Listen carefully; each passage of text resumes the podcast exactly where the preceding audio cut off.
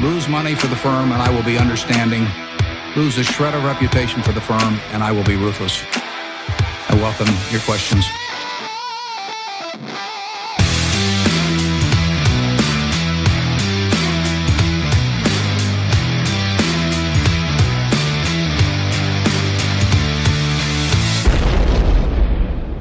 Välkomna till Kvalitetsaktiepodden. Det är jag som är Ola. Ja, och det är jag som är Klas. Eh, det här är avsnitt nummer 22 och det spelas in torsdag den 9 augusti.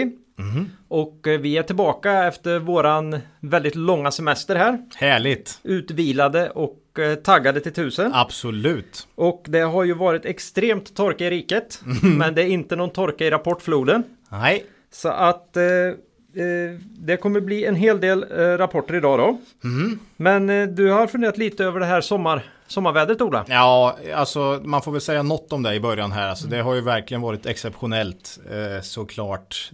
30-35 grader många dagar och Ja, framförallt ingen nederbörd i stora ingen delar. Ingen nederbörd, eldningsförbud, grillförbud. Eh, bevattningsförbud. Eh, alltså, det, det, känns som att det finns många olika sektorer som kan ha drabbats hårt här under sommaren och kanske långt in på hösten här såklart då. Och mycket får ju konsekvenser och även valdebatten sägs ju nu eh, gå mer och mer mot miljöfrågan här. Och, så att det är klart det påverkar. Mm. Eh, kanske lite för tidigt att säga exakt hur, men man har ju hört Bauhaus vd säga att det inte har stått jättemycket grillar och trädgårdsredskap har väl varit en ren katastrof. Va? Så att eh, självklart kommer mm. det påverka och man funderar ju på vad det har för bakgrund också egentligen. Ja, eh, vad, kom, vad, kommer det här ifrån? Ja, ja. Eh, några som däremot garanterat har tjänat på det här är ju Kopparbergs då. Mm. och det snackar vi om i vårat avsnitt här i juni att eh, en av vinnarna här av den tidiga fina sommaren borde ju vara Kopparbergs och mm. nu har man också gått ut och bekräftat att sommaren har varit fantastisk för bolaget då med rekordvärme och fotbolls-VM eh, tillsammans då. Ja, det är väl först nu idag vi, när vi tittar på när vi spelar in det här som vi, vi ser att nu verkar ju prognoserna ligga kvar här med lite Normalare. ruskigare ja. Eh, sommar. Ja, jag, väder. Jag, jag, kom på mig själv i morse att säga att oh, skönt det blir lite svalare idag, 28 grader. Då, då är det ju det är ju något som är konstigt då alltså. Eller hur? Jo, ja. det har man ju sagt i, Span i Spanien någon gång kanske. Ja, ja. När man ska spela golf. Ja, precis. Ja, skönt. Det, det är okej okay, liksom. Men nu, nu ska det bli 20 till helgen här och vi, det är ju mer normalt svenskt eh, ja. väder liksom. Eh, ja, ja, vi får se får vi säkert återkomma till det här. Men eh, sommaren har för övrigt varit eh, hygglig på börsen. Eh, mm. Inte alls, no det kan vara en ganska dålig period ibland vissa somrar. Men i år har det varit helt okej okay och eh, börsen har till och med gått upp lite under sommaren här. Och eh, det är väl drivet av överlag ganska fina Q2 eh, så här långt. Eh, man ska komma ihåg att många av de här rapporterna, framförallt mindre bolag, har har lett till extrema kursrörelser, både uppåt och neråt. Och det är ju en liten trend som vi såg från Q1 också tycker jag. Men mm. framförallt blir det ju så på sommaren för mm. likviditeten är lägre och ska några ur så drar det kursen mer. Och likadant, vill någon in så drar det upp. Liksom. Ja, vi sa ju redan i juniavsnittet att det var ju himla tydligt eh, hur mycket lik likviditet ja. som hade försvunnit ja. ur, marknaden och det. Mm. Eh, och dessutom eh, en, del, en hel del blankningsbolag som eh, har presterat ganska hyggligt då. Mm. Betsson bland annat som har fått se en våldsam kursuppgång sista tiden och då är det förmodligen då så kallad short squeeze där blankarna måste täcka sina positioner ganska snabbt. Och mm. ja, så är det. Ja. Eh, så det har varit... Ja, men det är väl det man kan säga om börssommaren tycker jag. Ja. Mm. Eh, så, ja, som du var inne på här nu då så har det kommit massor med rapporter så det blir massa ja. rapporter. Det är väl ingen det vi lindar in det. Nej, nej. Det, det, det vet bo ni. Bolag och bolagsrapporter. Ja, mm. och, eh, men innan då vi, vi går in på det så har vi eh, idag den stora äran att berätta att vi från och med det här avsnittet startar ett samarbete faktiskt. Så nu blir vi väl på något sätt en riktig podd då eller? Ja, ja precis. Ja. Jättekul. Ja, skoj att, att någon vill associeras. Ja. med oss då. Och ja. eh, då är det faktiskt den här fantastiska tjänsten som är vad den heter. Nämligen Ola. Börsdata. Ja, denna suveräna källa, Ola. Borsdata.se. Ja. ja. Vi har sagt här att det är en källa till både glädje och sorg. Absolut. Ja, men det här är ju ett ypperligt hjälpmedel för att eh, ja, screena marknader, snabb överblick över olika bolag och du vet alla upptänkliga nyckeltal. Eh, Det Mm. finns garanterat mer info där än vad du kommer behöva. Så Mm. att eh, sitta i Excel är gan- känns ganska överflödigt faktiskt. Eh, med tanke på att du dessutom kan få ut all information Mm. till Excel. Så eh, jag tycker börsdata är ett ovärderligt eh, hjälpmedel för värdeinvesteraren och eh, nej, jag är jättenöjd att vi har ett samarbete här med börsdata faktiskt. Känns, Ja. känns jättekul. Ja, vi misstänker väl att våra, de flesta av våra lyssnare känner ju till Ja. eh, börsdata Mm. och använt den någon gång då. Eh, så vi, vi startar ju ibland våran bolagsjakt. När vi måste, hela tiden måste man hitta nya bolag. Mm. Eh, och då använder vi screeningfunktionen. Mm. Så den, den kan ju sätt, sysselsätta oss i timmar. Ja. Och inte bara screeningfunktionen utan det faktum att du då därifrån sen kan börja borra dig ner Mm. i siffrorna. Och när det börjar bli intressant, ja då laddar man ner och sen börjar man titta på, vi kommer ju hamna ju snabbt i årsredovisningar naturligtvis och Mm. försöker lära oss vad bolagen verkligen gör. Men det är lättare att titta på tre bolag än 300 Ja, ja. eh, bolag. Och jag lyssnade på en annan podd här igår som hade träffat Petrusco då, som är en eh, utdelningsinvesterare. Ja just det. Och han berättade också att han ofta började med att screena eh, på olika nyckeltal och så. Sen vet jag inte vad han använder men eh, det kan man garanterat göra då på, på börsdata. Mm. Och då, det man framförallt kan göra här är ju att börja ge sig på nya marknader. Ja, Och vi- mycket intressant. Ja, och eh, vi kommer att återkomma till det här framöver definitivt här nu när vi har det här samarbetet. Mm. Och eh, kanske vi skulle gjort ändå i och för sig. Men inte minst utifrån det här problemet med home bias. Som vi pratade om förra avsnittet.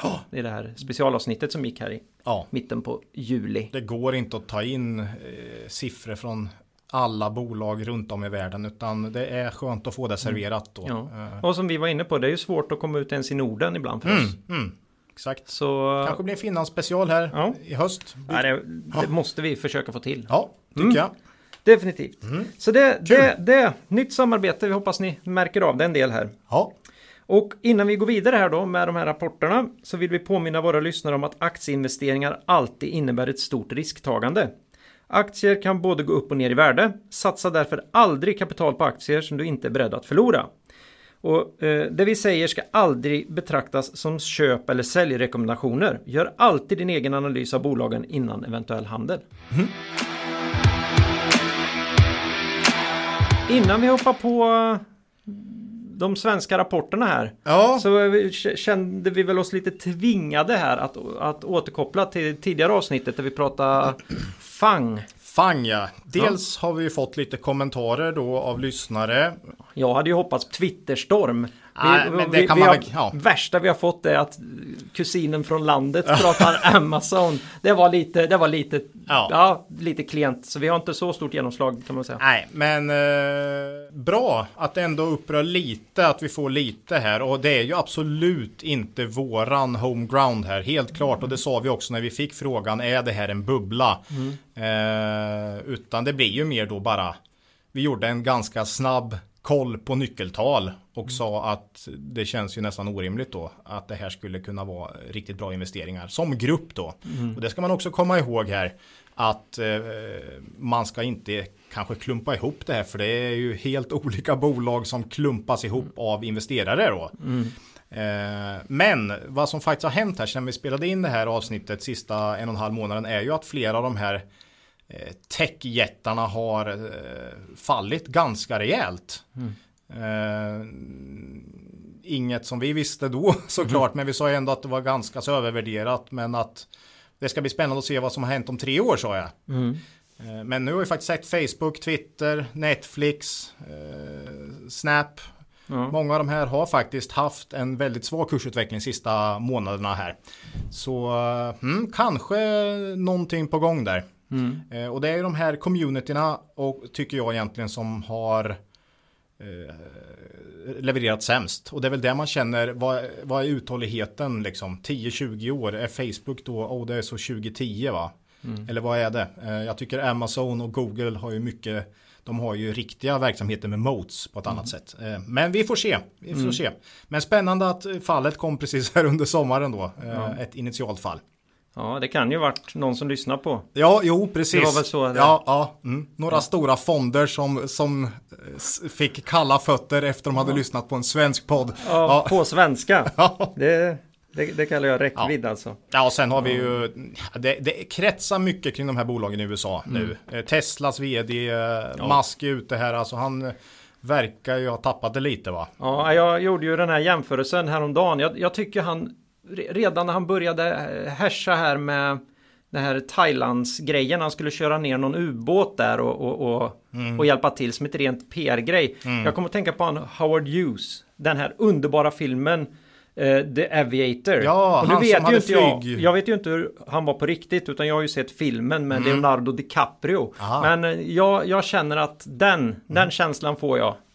Han Det hade flygbolag va? Och... Ja, han spelade väl in film och hade Ja, just det, flygbolag och sen gick han väl över till biomedicin. Mm. Och det här är ju tidigt alltså, vi snackar 30, 40, 50-tal. Mm, Men det är någon slags... Jag har också sett den. Tog livet av sig sen va? Nej han, nej, han dog av... eh, han var på väg till någon behandling för Jaha. njursvikt. Eller något sånt där. okej, Så han blev, vart 70. Okej, okej. Men eh, filmen, jag tror inte filmen Är det riktigt... dagens filmtips? Ja, jag tror inte den kanske speglar hans, eh, hans riktiga liv fullt Nej, ut. Då. nej. Så det är filmen jag, jag ser det på. Men det känns ju jättelikt. Ja, det är så Så det ja. kanske kommer en film om några år här. Jag vet, det känns som han lost it lite alltså. Eh, men människor som driver mänskliga utvecklingen framåt är det ju garanterat. Men eh, det, du vet gränsen mellan galenskap och eh, geni Ja. är ju oerhört fin ibland. va. Så Ja. att, eh, ja, det blir jättespännande Ja, att följa alla de här bolagen. Ja, och se, se vad Musk särskilt kan hitta på då. Ja, Så dagens filmtips fick ni där, The Aviator. Mm. Ja. Eh, bra, då går vi över på det här knastertorra då. Som som vi tycker är Mm. det så roligaste. himla roligt. Ja. Eh, lite bolag här vi ska ta upp idag. Vi eh, börjar med eh, spelbolag. Mm. Spel om pengar här Ola. Ja. Eh, tänkte faktiskt dra av Betsson då. Det var Jaha. ett tag sedan nu. Ja. Och det här är ju gamlingen bland spelbolagen. Mm. Som verkar som de har börjat titta tillbaka till kunderna. Mm. Efter en liten tyngre period. Ja, precis. Eh, Bettan, eh, som vi brukar säga, släppte ju en väldigt fin Q2 faktiskt. Eh, och aktien är upp hela 50% senaste månaden. Och det är ju rejält. Och det tror jag ju det är en del täckning också av blankningspositioner som har drivit aktien här. Eh, Blankarna är ofta med så länge de känner att trenden är negativ. va. Eh, så ja, eh, nej, men fin Q2 och eh, jag kände väl här i våras att kvalitetsaktiepodden var väl en av de få eh, som jag lyssnar på, som jag pratar med och analytiker som trodde på Betsson och den här nygamle vd då Pontus Lindvall som kom in här. Eh, för det var det inte många som gillade Betsson i våras då. Eh, men jag, jag ja, det, var inte, det, det känns ändå bra att vi stod fast vid Betsson där tycker jag. Man plockade ju bort den här förvärvsagendan. Och det tyckte jag var en viktig faktor här, att man inte fortsatte med det utan man försökte komma tillbaka till organisk tillväxt och bättre lönsamhet. Fokusera på det man har. Och det har ju Pontus gjort och i Q2 så växte intäkterna med 14% varav 11 var organiskt. Så det är ju starkt. Kostnaden ökade bara med 4%. Så lönsamheten upp då. Um, ebit ökade med hela 45%. Så att jag tycker det här kan, det kan vara liksom den stora vändningen för Betsson. Nu har inte Betsson gått jättedåligt som företag sista två, tre åren. Men vinsten har faktiskt sjunkit både 2016 och 2017 lite grann. Men eh, vän av ordning här säger hur mycket av det här är fotbolls-VM då? Ja, och det är ju en oerhört relevant, relevant fråga och det har ju påverkat. Det måste ju varit fantastiskt för dem, Englands resa här. Ja. När varenda, när varenda engelsman öste in, öste in pengar Ja. för England till VM-final och sen... Mm, men ja, det var ganska bra resultat för spelbolagen generellt. Eh, men ehm, ja, Betsson är ju långt ifrån bara eh, betting. Det är ju mest kasino då. Och eh, dessutom så var sportbokmarginalen inte så här helt sjukt överjävlig tyckte jag. Eh, Och man, hade väl, man har lagt rimligt på marknadsföring. Man har liksom balanserat det här ganska bra tycker jag.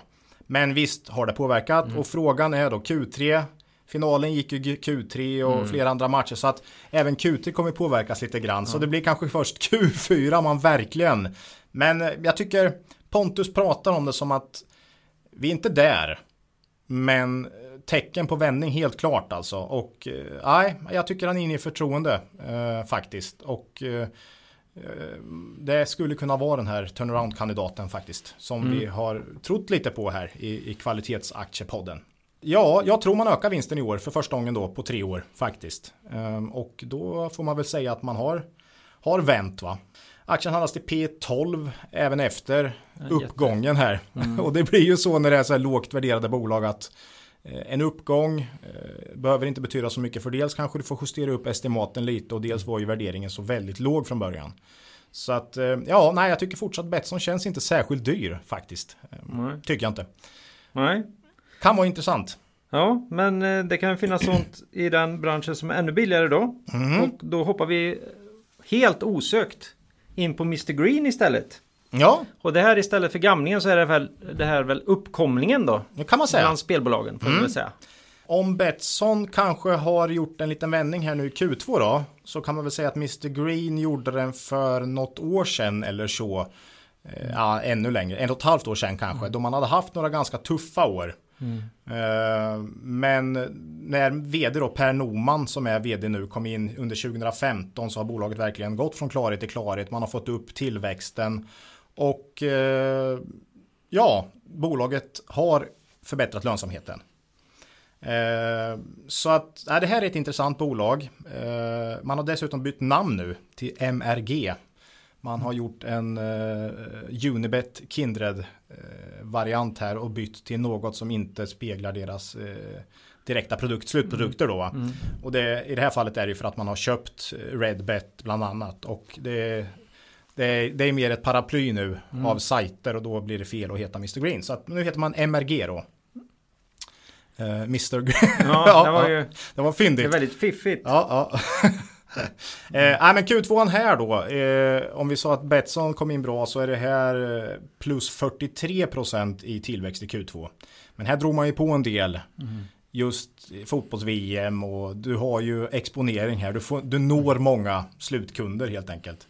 Eh, 31% organiskt, så snabb tillväxt och jag tycker liksom Mr Green har tagit över stafett, stafettpinnen här eh, som börsen snabbväxare bland spelbolagen eh, från eh, Leo Vegas faktiskt som har stannat av lite i sin eh, extrema tillväxt då eh, mm. faktiskt. Och dessutom har Mr Green sagt att juli har börjat väldigt bra men VM, VM. gick ju i början på juli här. Så att mm. lite svårt att, att, dra några stora slutsatser men man står fast vid sina mål att man ska växa med 40% i år. Och eh, att eh, ebita-marginalen ska hamna på cirka 15 Mm. Eh, ja, lönsamheten i just Q2 nu var ju sämre på grund av just marknadsföringssatsningarna då. Och det hade man ju sagt innan också att vi kommer dra på en del med kostnader för marknadsföring då. Eh, just under Q2, mm. under VM. Eh, man säger nu att de här eh, marknadsföringarna, marknadsföringen i förhållande till omsättning kommer gå ner igen då mm. under hösten. Så att vinsten borde börja tugga på lite igen tycker jag. Man verkar få till förvärvet. Och då gjorde man ju ett ganska stort förvärv här då i våras som innehöll bland annat Redbet och så. Mm. Evoke Gaming hette det bolaget. Eh, och integrationen går bra och det växer på fint. Mm. Så, eh, och det är ju mycket viktigt. Det är ju väldigt svårt det där om man köper in något som går brutalt mycket sämre än sitt ursprungsbolag. Va? Då, då blir det liksom du får, som du får dras med eh, ganska lång tid. Så det verkar gå bra. Eh, sist vi pratade Mr Green, kommer du ihåg vad vi pratade om då? Ja, vi pratade väl om eh, att man eh, tog upp utvecklingskostnader. Ja, och avskrivningar. Avskrivningar på dem. Mm. Eh, och generellt och avskrivningar av goodwill och allt möjligt va. Men just det här att Resultatet rinner inte Nej. ner till sista raden. Precis, det var det vi pratade om sist. Och mm. då hade vi ett snack om Leo Vegas och Mr Green. Där jag tyckte att det var fallet i båda. De växte snabbt men sista raden hängde inte alls med. Eh, och det stämmer ju även i Q2. Tycker jag. Uh, att inte nedersta raden hänger med. Men det här kvartalet, ja visst avskrivningarna ökar ju väldigt mycket och det kommer det ju, det gör det ju på grund av förvärv, uh, men också på att man lägger en del av utvecklingskostnaderna på balansräkningen. Eh, men jag tror faktiskt att kommande kvartal så kommer nedersta raden också hänga med på grund av att omsättningen växer så pass snabbt. Så avskrivningar blir inte så stor del helt enkelt. Mm. Och det här var lite som vi pratade om i G5 Entertainment på sin tid. Då, ja, det är ju rätt att öka avskrivningarna. Då har du gjort en bra investering helt enkelt. Mm. Om omsättningen växer väldigt fort. Så avskrivningar är okej okay, så länge du växer fort. När du inte växer då blir du ju då blir du hårt straffad av dem för då sjunker vinsten helt enkelt. Mm. Eftersom du skriver av successivt mer och mer. Men jag tycker, jag, jag, jag, jag, tror att nu, från och med nu och framåt så känns det som att Mr Green kommer kunna hantera avskrivningarna på ett bättre sätt i och med att de växer så fort. Mm. Helt enkelt. Um, ja, de aktiverar inte jättemycket nytt heller utan nej, det är kvar ungefär. Ungefär och mm. jag, jag, tror inte, det, det, verkar inte som de är ute och försöka förvärva något nytt i brårasket. Nej. Så jag kan tänka mig att avskrivningarna, avskrivningarna ligger kvar på ungefär den här nivån eh, något år framåt. Mm. Och då, mm, då blir det ganska bra på sista raden med tanke på att de växer så fort. Va? Eh, man har ju en hyggligt spridd verksamhet geografiskt. Många kollar ju på vart finns det regleringar och eh, vart kan de tänkas få betala skatt i framtiden och så här. Och man är hyggligt spridd geografiskt. Man har väl 15-20% eh, i Sverige tror jag. Och här håller man ju på med ansökan då till för att lämna in då. Få licens. För att få licens ja. Och det kommer väl alla de här bolagen ja. göra. Och förmodligen kommer man alla få eh, licens. Ja, jag såg någon bedömare som trodde att det skulle kunna bli över 200 licenser i Sverige. Oj, jag har sett 100 också. Ja. Eh, det var kanske var ett önsketänkande från staten. ja, ja, men de, det var, de var inte jättedyra. Jag tror de kostade 100 000 eller licens. Det var eh, småpengar. Alltså. Oj, oj, oj. Det handlar, det handlar väl mer om att du ska lova en jäkla massa grejer. Ja, just det. Och det är väl det. Eh, kan du uppfylla din verksamhet, mm. de krav. Men det känns som att alla är oerhört lika här. Mm. Så att om en inte gör det så gör ingen det på något sätt. Ja. Om en gör det så gör alla det. Så att det känns som att mm. om inte, det, det, det, stora risken är väl att myndigheten inte hinner med och mm. att det blir förseningar då. Men då införs det väl kanske inte förrän i mars då. Eller, eller något. Jag, jag, vet inte. Ja.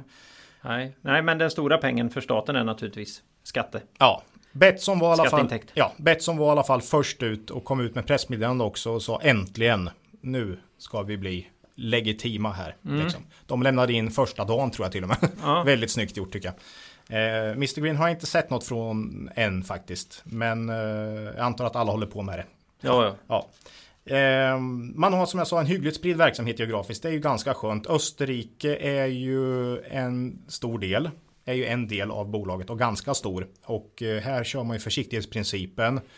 Eh, man reserverar skatt hela tiden i resultaträkningen. Mm. Eh, varje kvartal då. För man vet inte vad det blir för utfall där mm. så småningom. Så det belastar resultatet mm. idag. Sen får man se om vad som händer. Men, det Men hur är det? är inget rättsfall där utan det är mer som en utredning som... Ja, det är ett rätts... Jag vet att de har liksom, det har blivit något rättsfall. Det har blivit det? Ja, ja. och man håller på liksom eh, spelbolagen har attackerat staten för att man inte får göra på vissa, eller ja, ja man får inte ha en viss hållning och där är vi nu liksom. Mm. Eh, vi får se, men det hade, det hade varit mycket sämre för Mr Green tycker jag om man inte hade bokat upp något för det hade blivit en smäll sen. Mm. Uh, nu har man ju som sagt tagit försiktighetsprincipen här. Mm, juli har börjat starkt sa man som jag sa då. Uh, med tanke, och det är förmodligen med tanke på fotbolls-VM. Tydligen har det varit långt över 40% tillväxt då i juli. Uh, det här är ju också som Betsson skulle jag säga. Låg värdering, kanske P12, ungefär som Betsson kanske. Eh, men här har du ju mycket högre tillväxt. Mm. Man lägger också mycket mer på marknadsföring än Betsson. Och det där är ju något som spelbolagen har att dra i. Det är som den här eh, dockan va? Mm. Marionetten. Marionettdockan. Att om du minskar på marknadsföringen så kommer du minska tillväxten. Och det, det är ju en jätteskör balansgång det där på något sätt. Och du får liksom inte hamna fel där. Eh, men just nu så eh, växer Mr Green väldigt fort. Mm. Man har sagt att man tror på 40% i år och sen kanske 25% nästa år och så. Ja, vi får se, men jag tycker Mr Green känns också billig faktiskt. Mm. Och det är väl de två bolagen jag tycker känns bäst i betting online gaming sektorn just nu. Mm. Ja. Och vi kan redan nu hinta om att Mr Green kan tänkas dyka upp när vi går igenom eget ägande i slutet. Ja, precis, precis. Mm. Uh, lite ägande i Mr Green har mm. vi. Mm. Tycker vi är ett intressant bolag. Ja, kul. Så är det. Mm. Eh, bra. Något mer bolag du har på listan? Du, jag har en hel hög här Ola. Är, Men det är inte rekord. Vi hade väl 12 bolag i någon av de här eh, Ja. vansinniga rapportavsnitten. Jag ska försöka ta några lite snabbare här också. Ja, Ja. Du har tänkt mycket på Mr Green. Ja. Mm. Senaste. Och Betsy. Ja, här har vi en favorit. Eh, några av våra följare på Twitter får hålla för öronen nu. Vi, vi går nämligen tillbaka till Danmark. Den globala danska smyckestillverkaren med armband med utbytbara eh, berlocker som huvudprodukt. Ja, och det ja. är ju då, kommer i en liten ask och det är då Pandoras Ja. ask kan man säga. Eh, vi kan ju inte låta bli. Men, eh, vi har pratat om Pandora rätt mycket, har försökt låta bli ett tag. Eftersom vi själva har väldigt lite intresse i dem nu. Men det är så galet för oss det som händer där. Så vi, vi Ja, det är intressant. Fastnar ju i det ja, hela det är tiden. intressant ur ett, eh, vad ska man säga, eh, historiskt perspektiv också Mm. på något sätt. Det här är, jag tror man kan dra mycket lärdomar om man följer hela det här. Eh, Skeendet. Skeendet, ja, Mm. precis. Eh, ja, vi, vi, vi känner oss nästan tvingade med tanke på hur kursutvecklingen Mm. har varit. Den har varit brutalt svag då. Och för er som har lyssnat noga så, på podden så vet ni ju att vi sålde nästan alla våra aktier eh, i januari då. Eh, här i år. Eh, på runt 610-620 kronor. Och det gick vi igenom också i podd nummer 8 här. Ehm, så vi har ju inte haft något ägande förutom ett litet symboliskt bara. eh, Nej, det var ju jag som inte kunde låta bli. Ja, jag ja. ju le- leker lite vid sidan av. Ja, Nöjeskontot. Ja, en, en liten post har vi haft. Men annars så har vi inte haft Nej. eh, bolaget eh, sedan 620 någonting.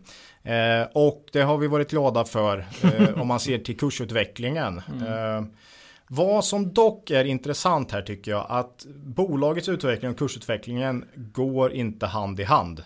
Det är fortsatt så att kursen är minus 65% här sen toppen. Eh, men vinsten är ju ja, ungefär lite ner kanske. Eh, det är ju någonting man ser här som inte än har materialiserats fullt ut i så fall. Kommer det göra det eller har de fel? De som har sänkt marknaden va? Eh, och det är ju det stora intressanta här tycker jag. Ja. Nej men de, de, de tar väl ett bett i, i, i någon slags berlockdöd här då. Att Mm. Det här har varit en väldigt, väldigt lång fluga. Men nu, Ja, nu ska det ta slut på något sätt. Och det var likadant 2011-2012 här i Pandora. Eh, man går tillbaka och kollar så gick aktien från 350 till 50 kronor på två år. Och aktien var nere i P 6,5. Eh, innan det vände och aktien gick från 50 till 1000 kronor. Och då fick, alltså bolaget vände. Man, man kom, gick ner till nolltillväxt och tappade marginal i Pandora. Eh, och aktien fullkomligt slaktades. Så att jag tror nog att även då var det berlocker funkar inte va. Nej. Eh, vi är ju samma sak nu. Är det, kommer det bli likadant igen? Det vill säga att Pandora kommer tuffa på framåt. Eller får de rätt den här gången? Förra gången hade inte marknaden rätt. Alltså 2011-2012.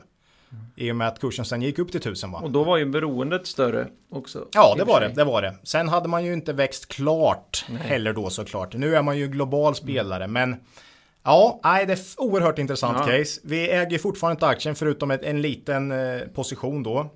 Eh, Q2 som man vinstvarnade här för i veckan eh, visade på ungefär oförändrad omsättning och eh, vinst per aktie sjönk 2%. Lyssnar man på oförändrad omsättning och vinst per aktie minus 2%, det går inte riktigt ihop med minus 65-70% i kursutveckling tycker jag. Nej. Så det är fortfarande så här att det finns en stor, det går inte riktigt ihop. Det är så jag känner. Vdn eh, får gå här. Ja. Och, eh, Det känns bra för mig. Ja, jag Eftersom tycker också det känns jag har bra. försvarat inför dig, för du har ifrågasatt varför jag är inne och, och tallar pass- här. tallar lite där. Ja, Mm. när vi, vi har ju sagt att man måste vänta på vändningen. Men jag har sagt nej, jag har, jag, den här ledningen har alltid levererat. Mm. Nu gick man ner till 7-10% guidar man. Fortfarande galet låg värdering på den och den utgick jag från att man skulle hålla. Hålla. Mm. Och nu har man ju på ett halvår liksom efter att man menar på att man gjort den största strategiska genomgången i bolagets historia så har man ingen aning om att det skulle bli så här dåligt. Nej, nej. Och och, det ju då det får här. vi, och då får vdn gå. Ja, och det tycker jag är jättebra. För historiskt som sagt 15, 16, 17 prognoser och Pandora har prickat dem nästan Mm. perfekt varje år. Ja, det är mer än, jag tror jag har fyra eller fem år i rad där man har prickat sina prognoser oerhört bra. Va? Mm. Så det här är ju, den här våren har ju verkligen varit exceptionell då, Mm. sett de senaste åren. Så vd tycker jag är helt rätt att han får gå i och med att de misslyckas i sin prognos här va. Ja, sen vet vi inte om det är han som har misslyckats eller om han har folk i sina led som inte... Eller att detaljhandelsmarknaden har överraskat dem precis som den har överraskat H&M eh, andra aktörer. Man vet inte. Eh, H&M har ju också sagt, eh, haft prognoser som har varit helt ute och cyklat sista åren. Så eh, det är inte lätt att vara vd och vi har pratat om det där också. Du och jag. Det enklaste är om pappa äger. Den största då- ägare i bolaget. Då kan man ju få vara kvar ändå så att säga. Ja, ja. Eh, ja, nej, men eh, trenderna i Pandora fortsätter. USA går dåligt, Europa och Asien växer. Berlocker minskar, övriga produkter ökar. Det är ungefär de två trenderna som fortsätter i Pandora. Eh, vi har ju fått justera ner våra prognoser för Pandora sedan ett år tillbaks. Absolut, men långt, långt, långt ifrån så mycket som kursen har gått ner. Så att det här är ju en diskrepans mellan vinst, eh, minskning och eh, kursnedgång. Jättemycket. Så att mycket intressant att följa. ja. ja. Nej, men eh, vi får väl nästan ta den Ola. Din sista beräkning här, riktkurs. Riktkurs 666, eh, the number of the beast. eh, ja. nej men eh, det, det säger väl allt. Ja, med precis, det säger allt. Ska man verkligen köpa då eller är det ett tecken i skyn?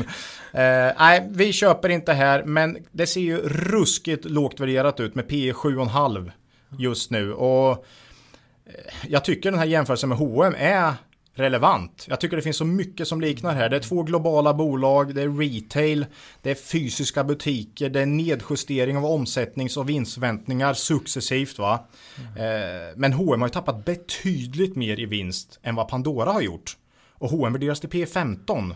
Pandora till 7,5. Ja, Det- Pan- Pandora har ett brutalt kassaflöde. Ja, bra Man- kassaflöde. Man fortsätter sin både integrera både bakåt och framåt. Ja. Ny, nya fabriker bakåt för att ta en större del av sin produktionskedja och man tar en större del av sin retail själva för att Ja, jag, jag säger som jag sa i vintras här. Eh, när vi pratade om bolaget första gången, eller i höstas. Fortsatt det mest intressanta case som jag stött på under mina 20 år med aktier faktiskt. Eh, Oerhört intressant skillnad i kursutveckling och bolagets Så då ska vi utveckling. vara tydliga här, inte intressant som att det här måste man köpa utan Nej, nej, nej. intressant ur ett lärorikt Lärorikt perspektiv. perspektiv. Köpa ska man aldrig göra på något vi säger, det har vi ju sagt. Ja. Det säger vi ju i inledningen av varje avsnitt. Mm. Det här är ingen köp och säljpodd liksom. Eh, utan vi pratar bolag helt enkelt. Mm. Eh, men det är intressant ur ett lärorikt perspektiv. Och vi har ju som sagt stått utanför och tittat på det här som ett historiskt dokument sedan 620 kronor då kan vi Mm. säga. Eh, och följer den nu vid sidan med stor spänning. Tycker jag. Mm. Det, är, det är det och den globala uppvärmningen som är de mest spännande Ja. sakerna för tillfället. Pandoras eh, utveckling och eh, det globala miljöhotet. Mm. Ja. 666 i riktkurs kommer jag fram till om man, eh, jag tycker det är hyggligt försiktig och, eh, och eh, inte sätter en för hög värdering. Mm. Och det är nog många som ligger där, vad jag har sett. Det är väl Carnegie som ligger runt 400 nu när de hyvlade ner ganska rejält. Eh, Vi får se. Ja. Det var, vi är om ursäkt igen här då. Eh, Men det var eh, Pandora. Mm. Nej, det, det, det kanske inte är sista gången vi kommer Nej, tillbaka till dem ändå. Det, ber, det beror på vi får om... försöka hålla det här intervallet i alla fall. Ja, något halvår i alla fall. Ja. Men så länge det är så oerhört roligt att följa så kommer vi göra det tror jag. Mm. Eh, Något mer bolag? Ja då, eh, då, då byter vi ju eh, typ av spelbolag. Det här pratar vi jämt om. Nu ska vi prata om det här, ett, ett av spelbolagen som gör spel till mobiltelefoner. Kan vi Ja, säga. ja. Hand, handhållna enheter. G5 Entertainment, det var ett tag sedan nu. Ja, En det, gammal det var... poddfavorit. Ja, absolut. Eh, Jag gillar den här också, att de gör ju alltså spel till mobilen som i huvudsak riktar sig till kvinnor över 34 år. Ja, då är jag en kvinna över 34 då. Ja, jag spel- tänkte säga det. Och Ola. För det här är ju, du spelar ju jämt. Ja, jag spelar inte deras eh, storsäljare då, de här Hidden Objects, utan jag spelar Pirates and Pearls sen Mm. de släppte det här för något halvår sedan. Tycker det är vansinnigt kul. Eh, tyvärr inte så mycket intäkter till G5 för Nej. man kan ju spela mycket gratis. Ja, men det men bara- några små köp har jag faktiskt gjort. Så att, eh, När du har blivit desperat. När har de blivit fått in desperat. dig. Ja, ja, och satt dig i ett hörn. Jo, precis. Och vi pratade om det någon gång. Alltså, desto mer jag tänker på det, desto mer liknar det spel om pengabolagen och hur de försöker få fast folk i ett spelande. Alltså, men skillnaden är att här har du inget som helst eh, övervakning och ingen som helst eh, skyld. Alltså det finns ju ingen som pratar om, eh, du vet, responsible gaming här. Nej. Nej, Ja, fast jo, det börjar ju komma nu. kanske. Det börjar komma nu. De Mm. eh, ska ju eh, Facebook och Google och Apple också. Mhm. Eh, tittar ju nu på produkter. Apples produkter riktar sig till föräldrar för att man ska alltså kunna Filter på ett något sä- sätt. nej, säkert sätt begränsa barnens tillgång. Jaha. Så att eh, nu kan inte jag säga hur det blir, men jag utgår från att det, det, det blir det jag skulle önska. Att jag kan bestämma att under den här tiden fungerar telefonen som en telefon. Man kanske kan messa då, eller jag kan bestämma, men i övrigt så, Mm. så är den inte någon spel Nej, nej, eller YouTube-enhet då. just det. Ehm, och eh, Facebook och de är ju både för att man ska kunna få koll på hur mycket man håller på, Mm, mm. eh, men även begränsa sig. Alltså Mm. bli ja, förhindrad helt enkelt att, att anvä- använda den när man har lagt för mycket tid. Ja, för dels tid Mm. och sen så när du blir så inne i ett spel så är det lätt att du till slut tar till plånboken för att komma vidare va? Ja, ja, ja. Eh, Och det är förstörelse, det är ju sportspel och kons- kasino också, du sitter, det är förstörelse eh, på, på samma sätt egentligen. Eh, bara att det ena är, är du tvungen att spendera pengar, det andra kan du. Mm. Det är den stora skillnaden. Ja, Eh, det, men det är G5. Det är G5 ja. Eh, och här har ju aktien tappat 35% under sommaren. Eh, och det är ju ganska mycket. Men det är ju efter en ganska remarkabel uppgång också. Ja, ja, herregud. Det här är vad man kan kalla ett fullblod då. Om man säger... Eh, när man är, äger man G5 så är det som att rida ett fullblod här. Eh, jag gillar ju normalt mer de här ardenner-hästarna va. Som tuggar på. Men det här, här får man ju liksom verkligen sitta stabilt. Här får man, ju, här får man vara duktig på att rida helt enkelt. Eh, eh, ja, jag tycker det här är ett bolag jag gillar i grunden. Absolut, väldigt duktig och jag tycker liksom konjunkturokänsligt, globalt, bra i en nisch. 50% säger man att man har på de här hidden objects. Eh, Och det är ju väldigt mycket. Ehm, och ehm, även Q2 tyckte jag var bra. Omsättning plus 43%, eh, ebit plus 56%. Men ökade lite mindre då än vad det gjort tidigare kvartal här. Och eh, kollar man på deras stora spel då här på försäljningslistor och så så har det tappat lite under sommaren. Och det har fortsatt in nu i juli och in i augusti faktiskt. Och eh, man pratar om det i rapporten att det, man, ser, man ser ungefär samma trend som förra året. Så det kan vara en säsongsvariation här att man spelar inte så mycket på sommaren. Eh, men det kanske är lite för tidigt att säga. Eh, jag tycker spelen tappar ganska rejält och framförallt deras storsäljare då, Hidden City. Och det kommer slå hårt mot bolagets intäkter framöver om det nu är så. Om det inte är en säsongseffekt va. Det, får- det, är vi, ja, det här är ju ändå en lite ny en ny marknad får man väl ändå säga. Så länge Jaha. har vi inte suttit med våra smarta telefoner nej, nej. och, Nej, och nej. spelat på bussen eller vad vi nu är. Nej, det var ju, herregud, Nokia, då hade du ju masken och de här, det var ju, Ja. ingen, det var ju ingenting. Så det, ska, det är ju spännande att se hur långlivade Mm. hur, lång, hur, hur länge en bra spelupplevelse kan hålla så att säga när, Mm, när mm. den blir överkörd av någon. Nu Mm. utvecklar de ju de här spelen hela tiden och lägger till och ändrar och fixar och Ja. optimerar dem Mm. utifrån.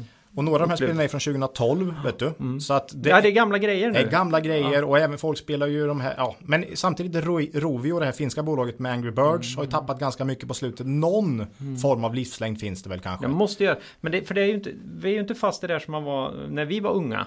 När liksom det kom då, vi började på Commodore 64 och Amiga-tiden och så här. Mm. Där liksom Alltså väldigt spelvärda spel höll ju. Men de kunde ju inte stå emot grafikutvecklingen. Nej. När du fick, eller, eller bara att spelvärldarna kunde bli så mycket större. För det fanns helt enkelt Mm. eh, mer plats i, Mm. i datorerna. Det, det är liksom svårt. Jag börjar själv ha svårt att ta in hur lite minne det fanns i min, mina första datorer. Ja, ja, ja. helt... Jämfört med vad jag bär omkring på. man börjar få fler enheter man bär runt på nu som innehåller mer än vad min, min första PC hade. Och det, så det, det, är någon, det är någonting nytt. Så det är jättespännande att se hur länge kommer de här Ja. titlarna hålla. Men Hidden, Hidden City har ju, Ja. håller ju i alltså. Och The Secret Society Ja. och flera av deras spel har ju hållit under väldigt lång tid. När jag började kolla på GFM för några år sedan så eh, blev jag chockad över just det. För jag hade instinktivt känslan att spel inte kan hålla sig Nej, det måste länge. vara nya hela Det tiden. måste vara nya hela tiden. nya, nya, nya. Men de det håller mycket längre än vad jag tror. Men frågan är nu då med Hidden City, om det är en liten säsongseffekt här och man kommer tillbaks till starkare, för man har tappat på liksom från kanske 100 i snitt i placeringar till 200. Mm. Och det gör ganska mycket då på mobil liksom. Eh, Man har tappat ganska substantiellt här under sommaren. Vi får se. Aktien är ner en del så att det kan ju vara också att marknaden ser det här va och är med här. Eh, Ja, eh, det kommer nya spel i höst. Och man ser Pirates and Pearl som jag har spelat mycket, går ju bättre och bättre. Med John Journey, ett annat av deras egna spel, eh, trendar bättre. Så att man lyfter nog successivt över det här. För det är inte kul att vara så oerhört beroende av ett Nej. spel. Och eh, vi får se. Det kan vara så att det blir ett glapp här. Mellan intäkter från nya spel och Hidden City. Och då kanske man kan komma in på en väldigt attraktiv nivå i G5 Entertainment. Eh, Just nu är det kanske P 22. Jag står nämligen fast vid det här jag sa då i i den 20 februari när vi pratar G5 att eh, man kommer göra ungefär 17 kronor i vinst per aktie. Jag, jag tror den prognosen håller hyggligt än så länge. Och då blir det P 22 och jag vet inte, det är ingen riktig säkerhetsmarginal för mig tycker jag. Nej. Men eh, mm, blir det en liten grop här i uh, intäktstillväxten då på grund av att det blir något glapp mellan Hidden Citys nedgång och de, de nya spelen tar över. Då kan det nog bli ett riktigt bra köp för att historiskt Om, om de nya spelen tar över. om de nya spelen tar över. Men historiskt har man utvecklat och kommit fram med många nya bra spel. Så jag tror man kan göra det framöver också. Men det kan ju såklart bli glapp. Eh, och då tror jag man kan köpa G5 till ett bra pris om det skulle bli så. Mm. Mycket om och men där. Men eh, just vi äger inte aktier nu men eh, mm, börjar bli lite intressant. Men se upp för Hidden City här. Mm. Mm. Eh, ja. Så Det kan man sammanfatta. G5. Ja, precis. ja, vi får ånga på här. Mm. Eh, vi är långrandiga idag. Vi har, Ja. vi har bulkat på oss massor med Man tankar ju- under sommaren ja, här som... Visst, man är ju liksom sugen här. Ja, på, verkligen. på podda. Ja, härligt. Eh, HiQ Mm. på begäran. På begäran. Det är många där ute. Det är ju våran favorit IT-konsult Mhm. och det verkar vara många av våra lyssnares favorit IT-konsult också. Mm. Och alla söker anledningar till att köpa den här och så frågar de oss kan, nu då? Nu då, nu då. Nu då? Vad säger vi om det Ola? Ja, och när vi säger favorit IT-konsult menar vi inte som köp då, Nej. utan som eh, verksamhet. Ja. Eh, och det är ju en stor skillnad. Vi pratar ju ofta om det här. Det här är ett fantastiskt bolag. Och vi, ibland så får jag frågor som, där man liksom på något sätt kopplat ihop det här att, ja men du var ju så positiv till eh, Indutrade. Ja. Hur kan det vara? Ja, ja, till företaget, men aktien kanske är för dyr. Liksom det, det är två olika skillnader här. Samma sak i HiQ, mycket fint bolag, dyr aktie. ja, eh, och det har vi sagt nu ett tag att det är just så. Och eh, om vi nu tar Q2 här då så kom omsättningen in med faktiskt bara tillväxt på 5% och vinsten sjönk med 10%. Eh, och det har man inte råd med om man värderas till P22. Så är det. Och eh, ibland får vi frågor på Twitter och så här, men varför köper ni inte det här och det här bolaget? Titta vad fint det växer och hur fint kursen går. Ja, du kan ha ett högt PE, 30, 40, 50, så länge vinsten växer väldigt bra. Men så fort det kommer tecken på att den där tillväxten inte håller, då kommer det bli slakt. Där har du skillnaden mellan P40 och P10. Eh, Så är det. Eh, Det är en risk helt enkelt. Eh, när vi pratade om aktien senast, och det var faktiskt så sent som i maj vi pratade om HiQ, så är aktien ner 20%. Då tyckte vi aktien var för dyr och det tycker jag fortfarande. Så kan vi börja, om vi ska ta det lite snabbt. Eh, jag börjar bli, dessutom bli orolig för att HiQ håller på att tappa sin plats som klassetta här. Lönsamhetsmässigt då alltså. Och i Q2 var faktiskt bara ebit-marginalen 9%. Eh, trots en positiv påskeffekt skulle det ju vara Ja. egentligen. Och det är klart sämre än förra året faktiskt. Eh, Vi får väl summera det här när alla konsulter har redovisat. för att kunna benchmarka lite. Många ligger kvar, Softronic, Acando har inte redovisat den. Så att eh, man får väl kanske klumpa ihop det om några poddar och se om mm. Haiku har tappat sin klass position här. För då ska man ju absolut inte ha en premievärdering längre. Eh, för det har man ju. Det är fortfarande P20 för en IT-konsult. Mm. Många andra ligger på 13, 14, 15, 15 kanske.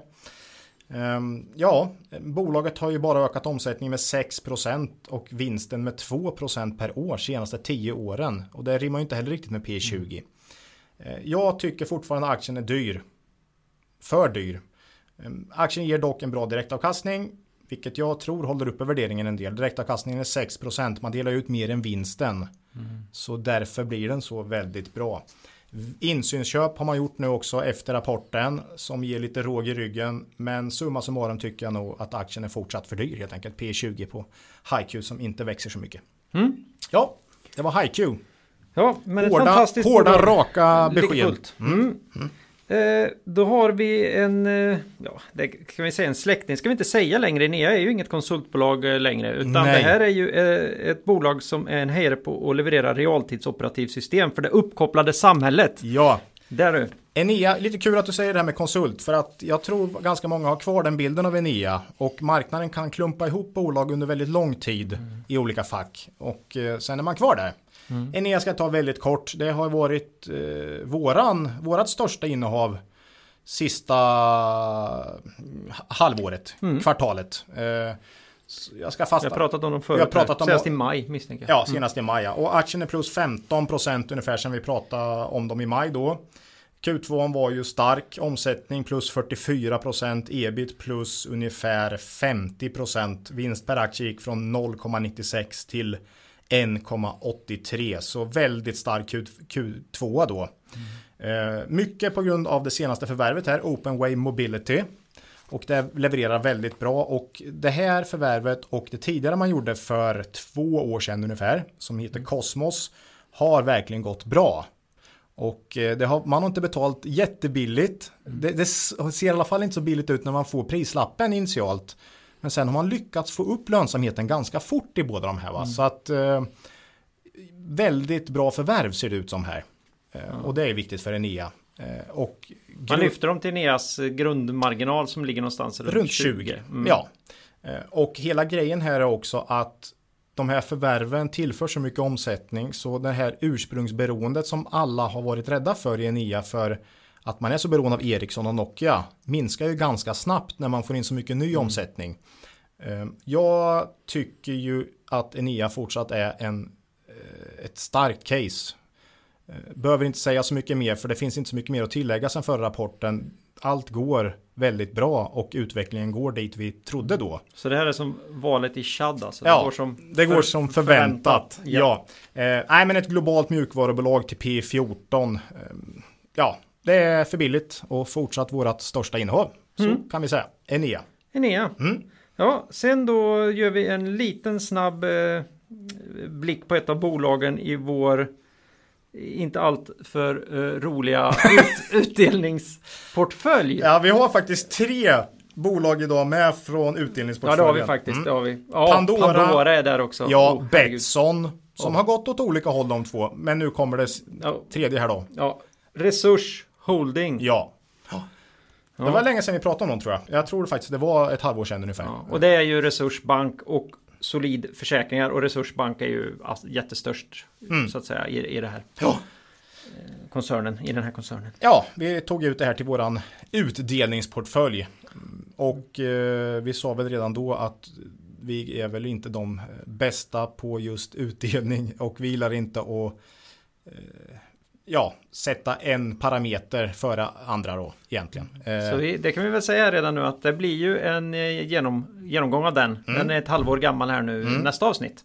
Så då ska vi, eh, får vi krypa till korset. Vansinniga slag i den portföljen. Vissa mm. aktier upp kraftigt, vissa har totalt havererat. Så att, eh, Men eh, mycket Resurs då? Resurs har ju varit en av de som har gått ganska bra då, mm. får man ju säga. Och Q2 här väldigt odramatisk skulle jag säga. Bolaget tuffar på fint. Intäkterna steg 13%, vinsten upp 10%. Jättefint. Och Q2 var faktiskt den tionde rapporten som man släppte som noterad bolag. Man har inte funnits så länge ju. Men i samtliga rapporter så har man överträffat sina finansiella mål. Tio stycken i rad. Det tycker jag är snyggt och framförallt det här med man ser ganska ofta att nynoterade bolag havererar. Man sätter dem på börsen och sen så cashar man in va. Men det är ju ett väldigt, väldigt gammalt bolag så det finns, Det är och det ju- finns väldigt mycket data. finns väldigt mycket data. Så jag tycker det är snyggt. En eloge av till dem. Eh, Man växer snabbare än marknaden i samtliga länder där man är verksam. Och man är väldigt lönsam helt enkelt. Man har ju då, många är ju lite skeptiska till det här med konsumentlån idag. Och eh, hela den sektorn egentligen. Eh, konsumentlån är dock bara inom situationstecken 50% av resurs. Eh, Resten är ju betalningslösningar då eh, för fack, eh, detaljhandel och så. Och försäkringar. Mm. Ehm, Ja, RP 11, 12 någonting. Inte heller särskilt dyrt, men frågan är ju om Alltså hela branschen värderas där någonstans och de stora mogna klassiska bankerna värderas ju också P12 liksom. Eh, Ja, det, det kanske inte är så att det kommer bli P20 på de här bolagen någon gång. Utan det kanske är så att de ska ligga där. Men ändå, ett bolag som tuffar på med T- P10, 11, 12 kanske och direktavkastning på 5%. Det är ju det är ett bra K- bolag. Kanske något för en utdelnings... En utdelningsportfölj, ja, och det, där har vi den faktiskt. Ja. Nej, men jag tror fortsatt att det här är en bra aktie att äga över tid faktiskt. Eh, Men jag, man får säkert räkna med fortsatt lågt P tal Det kommer nog inte skena iväg, eh, tror inte jag. Eh, Ja, Ja. Nej, det är frågan vad som händer också om det blir lite sämre tider. När, när man inte kan få utdelning när man borde få det. Vad händer mm. när man inte borde få det så att säga? ja. Eh, och ja, vad händer när folk inte kan betala sina skulder och sådär. Det, Ja.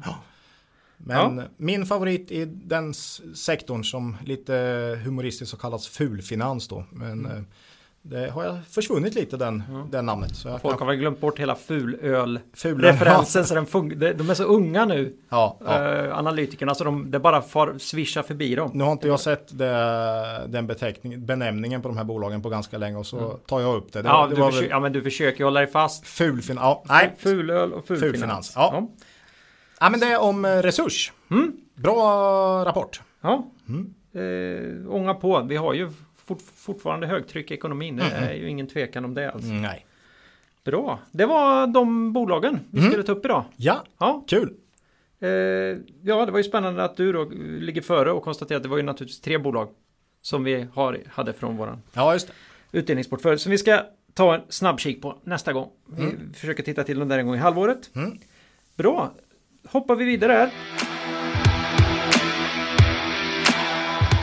Lyssnarfrågan. Mhm. Ja, den här får du Ola eh, ibland. Mm. Vad, vad du tycker om robothandel. Det är ingen som bryr sig om vad jag tycker om robothandel. Så då frågar vi dig. Vad, vad, tycker, vad tycker du? Vad tycker du om robothandel, tycker du? Claes? Ja, Nej. Jag bryr mig inte ett smack om robothandel. Och jag Nej. vet inte hur du känner. Nej, jag säger likadant faktiskt. Eh, för en värdeinvesterare med lite längre horisont så spelar inte det egentligen någon som helst roll. Jag tänker knappt på det. Jag förstår att daytraders kan vara oerhört sura och handeln i mindre bolag kan ju se väldigt konstig ut ibland och sådär. Men eh, är du långsiktig värdeinvesterare och köper aktier för att hålla dem i något år eller ännu längre oftast så så spelar det ingen större roll. Jag, jag, jag, för mig är det helt, det spelar ingen roll. Det, det, är, min, det är min åsikt.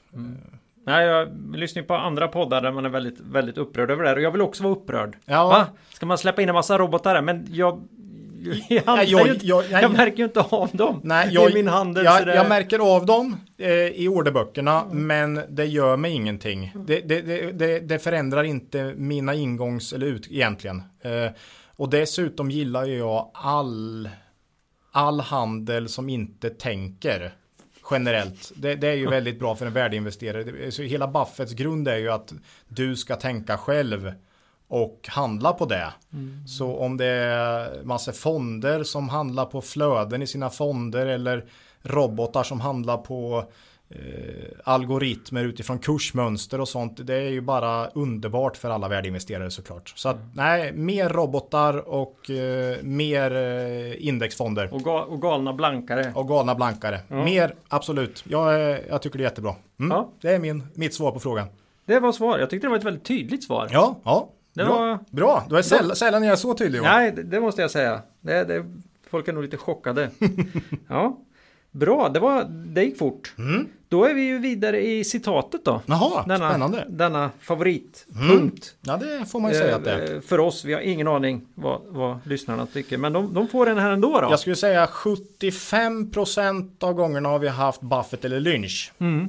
Vem är det då? Ja, och då gör vi en variant på det här då. Va? Utan nu så kör vi Buffett Jaha, okej. egentligen. Men han, han citerar Ben Graham. Oj. För, för honom är ju namn, inte Benjamin Graham utan det är ju Ben, Graham. Graham, hans store läromästare. Mm. Det här är från en eh, tv-intervju. Från 85, så vi ska, Oh. ja, Ja, ja. så vi ska lägga ut den på Twitter och Facebook, den länken Ja, finns, på, finns på YouTube. Det är samman, är den sex minuter lång kanske? Sju, sju, åtta. Sam, sammanfattar ju hela Ja. Buffetts filosofi. Och han är 55 år där då. Mm, 85. Eh, Mm. och eh, det är då han verkligen börjar få Erkännande. erkännande marknaden börjar få upp ögonen för honom. För compounding, eh, ränta på ränta-effekten tar ju tid. Mm. Eh, liksom. eh, det är ganska roligt i någon annan han berättar att 120 dollar tog honom först fem år. Det var liksom första Ja, så att, så att eh, och, ja, nej För att men kunna köpa sin första lägg ut den så folk, det, det, den är jättebra tycker jag. Eh, väldigt kul. Ja, ska, vi, ska vi komma ut med den? Men då, då säger Buffett I det klippet att. Graham har sagt att You are not right or wrong because a thousand people agree with you. And you are not right or wrong because a thousand people disagree with you. You are right because your facts and reasoning are right. Ja, det är ju, det är ju liksom, det är verkligen, det är ju lite det vi pratade om här i, eh, ja, Tidigare. tidigare här. Att eh, du ska göra din egen analys och sen stå för den. Eh, och sen om robotar eller index för kurserna åt olika håll eller vad det nu är. Så stå fast vid din åsikt. Eh, Oerhört viktigt. Ja. Nej, den är, den är, ju, den är ju ganska rakt, eh, rakt på. Följ inte mobben. Nej, vad, vad jag tycker här är ju att man ska givetvis ta in andras åsikter. Och liksom om, om det är någon som har en annan åsikt än vad du har. Lyssna på den då, oerhört viktigt. Slå inte bara bort den och säg att jag har rätt. Utan, utan du, må- jag tycker att du ska ta in allas Ja, argument. all Men du får, information. all information är bra och det ger ju också dig en bild av hur andra ser på bolaget. Och det, den är ju jätteviktig. Eh, men fatta ditt eget beslut. Det, det tycker jag är viktigt. Jag tror här egentligen inte han menar att man ska slå bort alla andras eh, åsikter och Nej, jag Eh. tror ju att ben, eh, ben menar väl på sväng, sväng, skit i svängningarna i kursen. ja, det, är en det är ett Mr Market-citat där skulle jag, ja, ja. skulle jag tro. Ja. Men, Eh, nej, för att om man, om man rensar bland alla de som har en stark åsikt och som gör sin röst hörd så är det ju oftast väldigt få som har en stark fundamental åsikt. ja, väldigt få. Där de säger att "Ja, nej, Eneas programvara, jag är ganska säker på att den kommer slås ut av den här okände Mm, konkurrenten. mm, Då bör man ju kanske ta och titta på det. Mm, om, man, om man faktiskt är inne i det och, och lägger så pass mycket tid som vi gör med varje bolag. Mm. Då är det ju värt att se, finns det något i det? Ja, precis. Och, och eh, jag tycker det ofta... Och det här var ett exempel rakt ut i luften. Ja, men, det jag finns menar, jättemånga det exempel på det. sånt här. Vissa är rätt, vissa är fel. Berlocker är en fluga. Ja, ja. Internet är en fluga var ju någon som sa. Ja. Men alltså, du vet ju inte riktigt på förhand. Nej. Men, men just att bara ha det som din enda eh, opinion på något sätt. Att det, jag tror det här är en fluga. Mm. Ganska smalt. Men jag, jag tycker nästan det är värre åt andra hållet när andra, alla kollektivt håsar. Eh, än något. Mm. Ja, men det är ju typiskt mig då, för vi letar ju efter det negativa. Vi skiter ju i det positiva. Ja, och ja. det ger ju sig självt. Det kommer vi ju se i intjärningen. Ja, vi ja. letar ju efter flås. Jag vill leta efter, flås. Fel. Och därför lyssnar vi också Problem. väldigt mycket på andras åsikter. Och eh, viktigt att kolla blankningspositioner som i Pandora eh, eller Betsson eller vad det nu är. För att det visar ju på att någon har en dramatisk annan åsikt här. Mm. Och försöka ta reda på varför. Varför? Vad, vad baserar de det Och är på? det något jag eh, tror på, håller deras argument eller gör det det inte? Eh, så försök att stick hål på dina argument hela tiden snarare än att bekräfta dem bara. Det, Och då är vi tillbaka utifrån vad bolaget gör. Så titta på mm, Titta om du har dina fakta rätt. ja.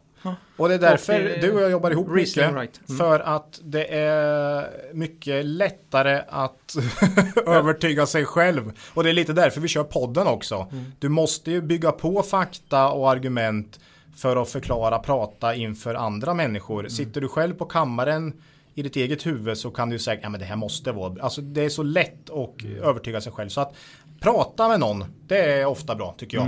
Mm. Ja, det var den. Ja, Där kom vi lite bort från eh, grundcitatet men mm. eh, nej men jag tyckte ändå viktiga, Ja, kärnfulla ja, viktiga grejer Insikter. fick, fick med där som tyckte vi då. Mm. Ja. Eh, då är det dags att knyta upp säcken. Mm. Och eh, nästa avsnitt kommer den 20 augusti. Längtar redan dit. Och jag kan garantera fler rapporter Ja, och lite annat. och lite annat. Mm. Eh, och eh, vi... Ja, Q2 är väldigt utspridd också. Ja. Eh, det, förra året hade vi inte podden när Q2 släpptes. Men det är ju de som gör det före semestern. Som släpper det liksom precis efter månadsskiftet juni-juli. Och sen går på semester känns det som. Och sen så är det de som kommer in i mitten på augusti. Och då har de haft semester va. Så eh, ja, den är ganska uppdelad här i två eh, sjok kan man säga. Mm. Så att det kommer mycket rapporter i augusti här också. Så de, de ska vi ta en kik på då. Mm. Och eh, vi vill gärna ha in era synpunkter och frågor och åsikter. Absolut jättekul. Och då är det ju på mail, vet ni, kvalitetsaktiepodden gmail.com eller Twitter eller Facebook är enkla vägar. Mm. Så då är ju frågan, har vi någon makro vi tar upp idag? Nej, har jag faktiskt inte. Ja, har du plockat upp någon teknisk analys du känner du vill delge lyssnarna? Nej, men du har säkert något. Ja, jag har ju börjat, börjat bli mer och mer intresserad av det här och eh, jag började fundera på har gjort det ett tag faktiskt om inte anhängare av teknisk analys egentligen är poeter eller möjligen efter eh, fotbolls-VM här radiosportskommentatorer. Lite mer konstnärssjälar Ja, som, menar som, du? som har hamnat i lite fel bransch och där försöker få utlopp då för Ja, någonting då. För att den här har jag fått, den här följande underbara analys då har jag blivit uppmärksammad på av en på Twitter av en lyssnare. Mhm. Den handlar om framtiden för Sandviks aktie här i början av juli. Okej. Och den har legat på Avanza forumet där för Sandvik-aktien så man kan väl hitta den där. Oj, oj. Hoppas han lyssnar på podden här du. Ja, Eh, och då är det så här vackert beskrivet vart, vart Vart kursen är på. kursen är på väg. Mm.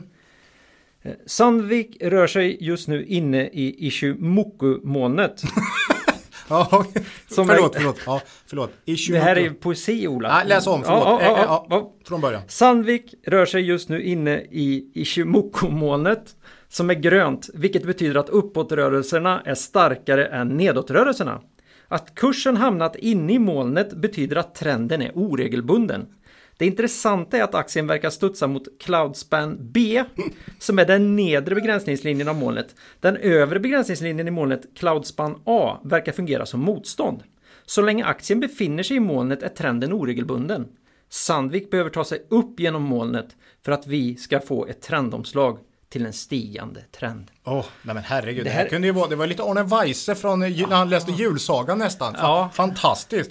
Jaha, nej men det här, bara det, det här gör ju nästan att man vill börja med TA bara. Ja, Fantastiskt. Ja, det var nog det, ja, men det, mest, är väldigt, det, är, det är väldigt poetiskt. det var nog det mest extrema jag har hört Ja, faktiskt. man kan som- tända sin lilla candlestick och så kan man Ja, visst. studera sina moln. Jag tänkte ett glas rött och lite ost i den där vet du. Så, ja. det, var, det var fint. Ja, så jag hoppas att ni uppskattade den lika mycket som Ja, jag. bra teknisk jag, analys där. Den tycker jag är fin. Hur har det gått för. Sandvik då? Det vet vi inte. Nej, det, det gick, förmodligen gick det upp. Eller så gick, Gick, det det ner. Okej. Något, något av det var det ju. Ja. Det tror jag säkert. Ja, Ja. tror jag med. Kan ju ligga kvar i molnet också. Ja, i molnet. Det är ju många som pratar om molnet nu, Ja, du vet. ja, ja. Eh, Proact och... Ja, cloud storage. Mm. Så var det. Eget ägande Ola. Ja, det är ju faktiskt då Enia. Ja, och Eh, Mr Green. ja, M- MRG. MRG, sorry. Ja, ja. Mm. Eh, det är väl de. En liten, en liten klutt i Pandora. Ja, just det. Precis. Mm. Den tänker vi aldrig släppa. Eller det är mer som ett eh, sån där eh, eh, Ja, historiskt... vi, har ju, vi har ju faktiskt en liten, liten eh, post i, i Berkshire också. Ja, just det. Av, just det. av princip. Så Av säga. princip. För Ja. att- ja. eh, så, så är det ju. 0,2 procent av vår portfölj. Ja. Ja, Mm. men den, den hör hemma där. Mm. Ja, så, så var det med det. Bra. Så då säger vi hej då för den här gången. Ja, det gör vi. Och kom ihåg, Det är först när tidvattnet drar sig tillbaka som du får se vem som badat naken. Lose money for the firm and I will be understanding. lose a shred of reputation for the firm, and I will be ruthless. I welcome your questions.